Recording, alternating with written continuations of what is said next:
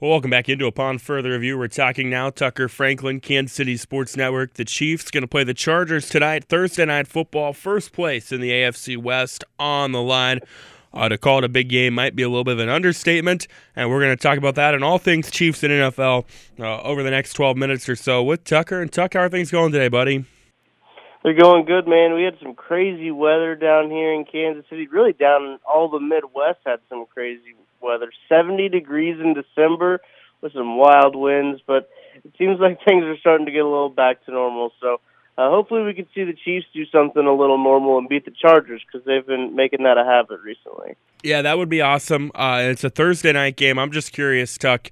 Uh, you look at all the time slots that teams can potentially play on. You know, Thursday night, Sunday at noon, Sunday at three, Sunday night, Monday night. Where does Thursday night rank for you in terms of of like you know likeness. I would say for me it's it's just above Sunday at noon, but probably just below Monday night football. Mm, yeah.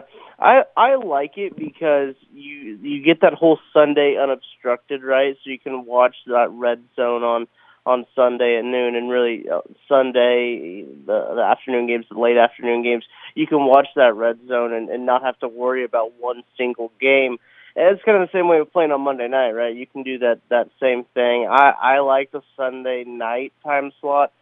You have to do like post game shows like we're doing for KC Sports Network. I don't necessarily like the late shows. So that means I'm not getting home until 1 a.m., 2 a.m. Uh, just after all, everything goes down and everything like that. But uh, personally, I really like the the Sunday at noon time slot. I I, just, I don't know why. It's probably just one of those uh, old reliable type things. It's just like you just get used to it, especially with the Chiefs when they were so bad. They would play at Sunday at noon all the time just to kind of hide all their games.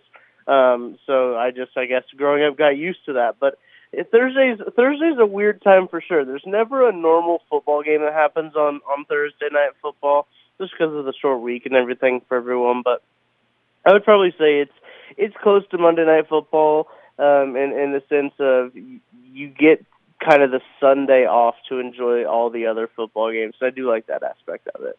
Yeah, spoken like someone who's not married yet, because anytime that you know there's a Sunday of Chiefs free football, that's typically when my wife tries to find stuff for me to do around the house uh, or away from football. All right, Tucker. Uh, last week the Chiefs thrashed the Raiders forty-eight to nine. Uh, you know, a lot of talk has been about the logo and the Raiders standing on it. I don't really want to talk about that. I think it's kind of a little silly it probably actually had no bearing on the Raiders getting clapped at all. I think the Raiders are just a bad team right now, and they're a dysfunctional mess. It certainly isn't a good look for them. Uh, the optics of it are bad when they do that. Uh, but you know, within the game, it looked like an all-around complete performance from the Chiefs, and you know the ty- type of win they really, really felt like they needed. Yeah, they really did need something like that. Uh, Gus Bradley has has been the defensive coordinator for the two team for the two defenses, or the, I guess the one defense, but the two times the the defense against Patrick Mahomes played the less amount of snaps of two high safeties.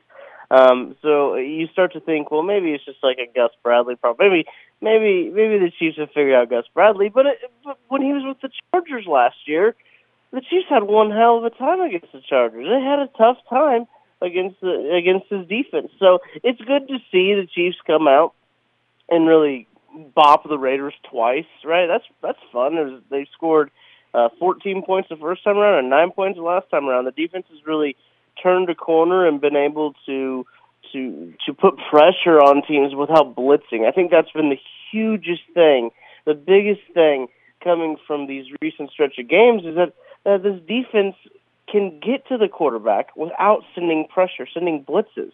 And you've got the defensive line playing really well at the best they have all season with Melvin Ingram coming in there. He's really, I think, infused and energized this team with uh, with what they know they can do. We, Trevor, we talked about at the beginning of the season. We talked about how this defensive line is probably the you know their deepest group, should be their best position, and it seems like they kept underperforming they're the highest paid defensive line unit in the league, and now they're playing like they're the highest paid defensive line unit in the league, and all they needed was to give up a sixth round pick for Melvin Ingram, which might go down as one of the worst trades in in Steelers history. Uh, but the dude was a backup. The dude was a backup for the Pittsburgh Steelers, comes to Kansas City and, and has an insane impact. I believe uh, without Melvin Ingram on the field. I, I can't remember who who tweeted this out. I think it was uh, maybe Doug Farrar tweeted something about the Chiefs' EPA per play on, defense was like point one, but when Melvin Ingram was on the field, um, it was minus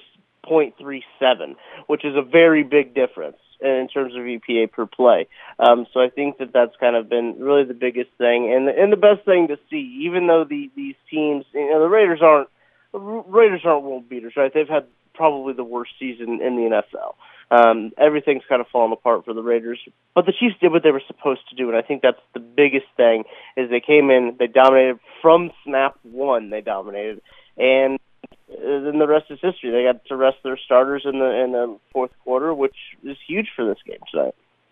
Yeah, I think it was it was big for them to really kind of have a stress free game because they haven't had many of those this year uh, for one reason or another. Say for maybe uh, the first time they played the Raiders, but even then it was like a three point game midway through the third quarter before they blew the doors off of them. So that was nice to see coming into a short week with the Chargers, and uh, not only coming into a short week, but looks like they're going to be a little short handed tonight.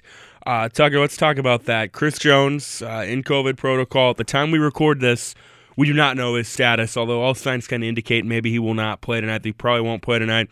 Willie Gay has been listed as out uh, with COVID protocol, and then L'Jarius Sneed uh, still mourning the loss of his brother. Obviously, a, a sad situation there, and uh, we wish him all, all, the time that he needs uh, to, to get right and get back on the field because he's a fine young player. But that's three big pieces of the defense out, uh, possibly. How concerning is that coming in tonight when you look at what the Chargers were able to do in that first matchup?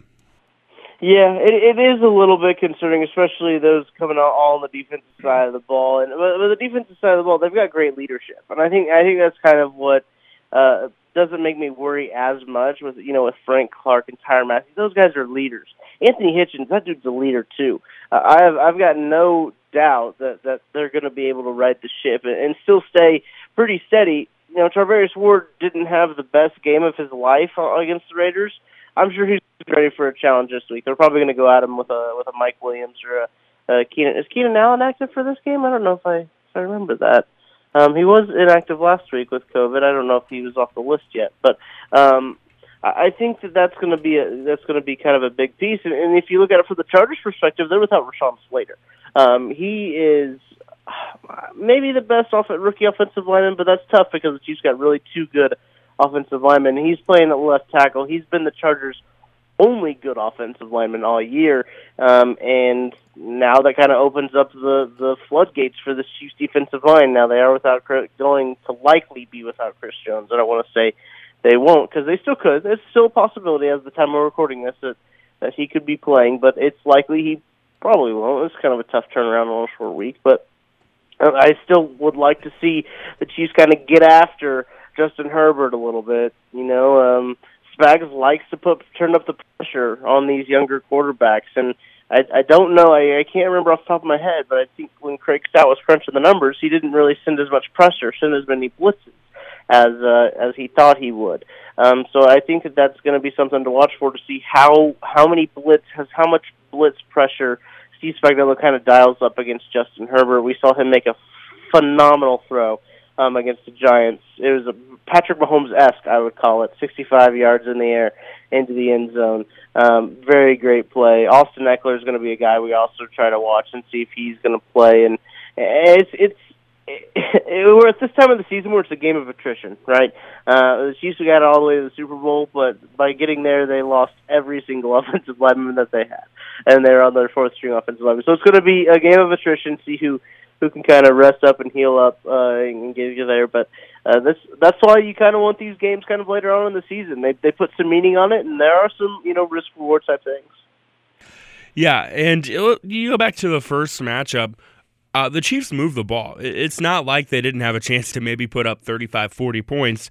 They had like I think it was three, four drives. Correct me if I'm wrong uh, in the red zone early on that that didn't turn up in points because of turnovers. Uh, you know, they take care of any you know any one of those possessions. It's a totally different ball game. And obviously, it's a big game. The Chiefs win. They've got a two-game lead in the AFC West with three games left, and they still put themselves in a really good spot to claim the number one seed in the AFC. Now they would still need Tennessee uh, or New England or Tennessee and New England to lose, but you look at those schedules, that's not that's not unlikely. Chances are probably both those teams are going to lose again.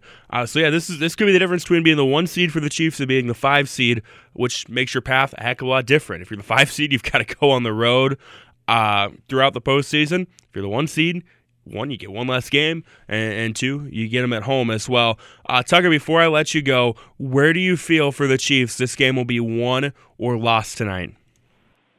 I think it's still going to be the defensive side of the ball. When, I started thinking about this this game, it's going to need to be the Chiefs forcing uh, Justin Herbert to make mistakes and the Chiefs taking advantage of those mistakes. They have to be the veteran football team that they are. They have to force the younger quarterback to make mistakes, and once those mistakes do happen, they've got to take advantage of them. We saw the Chiefs last last uh, matchup, and you brought this up, Trevor. I think it was a phenomenal point they had, I think, four turnovers in the red zone. The Chiefs haven't been turning the ball over very much and have been getting turnovers, and that's been huge for this team. They're now like a net zero, I think, on turnover differential, which is incredible when you start to think about how many turnovers they had in the first part of the season. And if they can get turnovers, capitalize that, and keep the ball secure, I know it seems pretty elementary, but I really think that that's going to be – that's going to be the big key because I, I really think that this Chiefs team is more talented than this Chargers team. So if they just play the brand of they know how to play and that they can play, they keep the ball secure, they play great defense, they dial up that pressure against Justin Herbert, force him to make mistakes, and take advantage of those mistakes. This game will be done early. And Justin Herbert at times this year, I mean, he's he's going to be a fine young quarterback. I don't think anybody's scouting that, you know. But he's had moments of inconsistency uh, and games where things have looked a little off. You go back to the Broncos game a couple weeks ago, so it is possible. I'm excited. I'm nervous. I can't wait for it tonight. Chiefs Chargers. It's going to be a fun time. Uh, and Tucker and I will be back next Thursday to talk about you know what went down. Uh, actually, yeah, we'll be back next Thursday. Talk about everything that went down and preview the matchup with the Steelers. Tucker, we always appreciate the time, my friend. Enjoy tonight. I know I'm going to, and we'll catch up again next week. Thanks, Trevor. It's always a pleasure.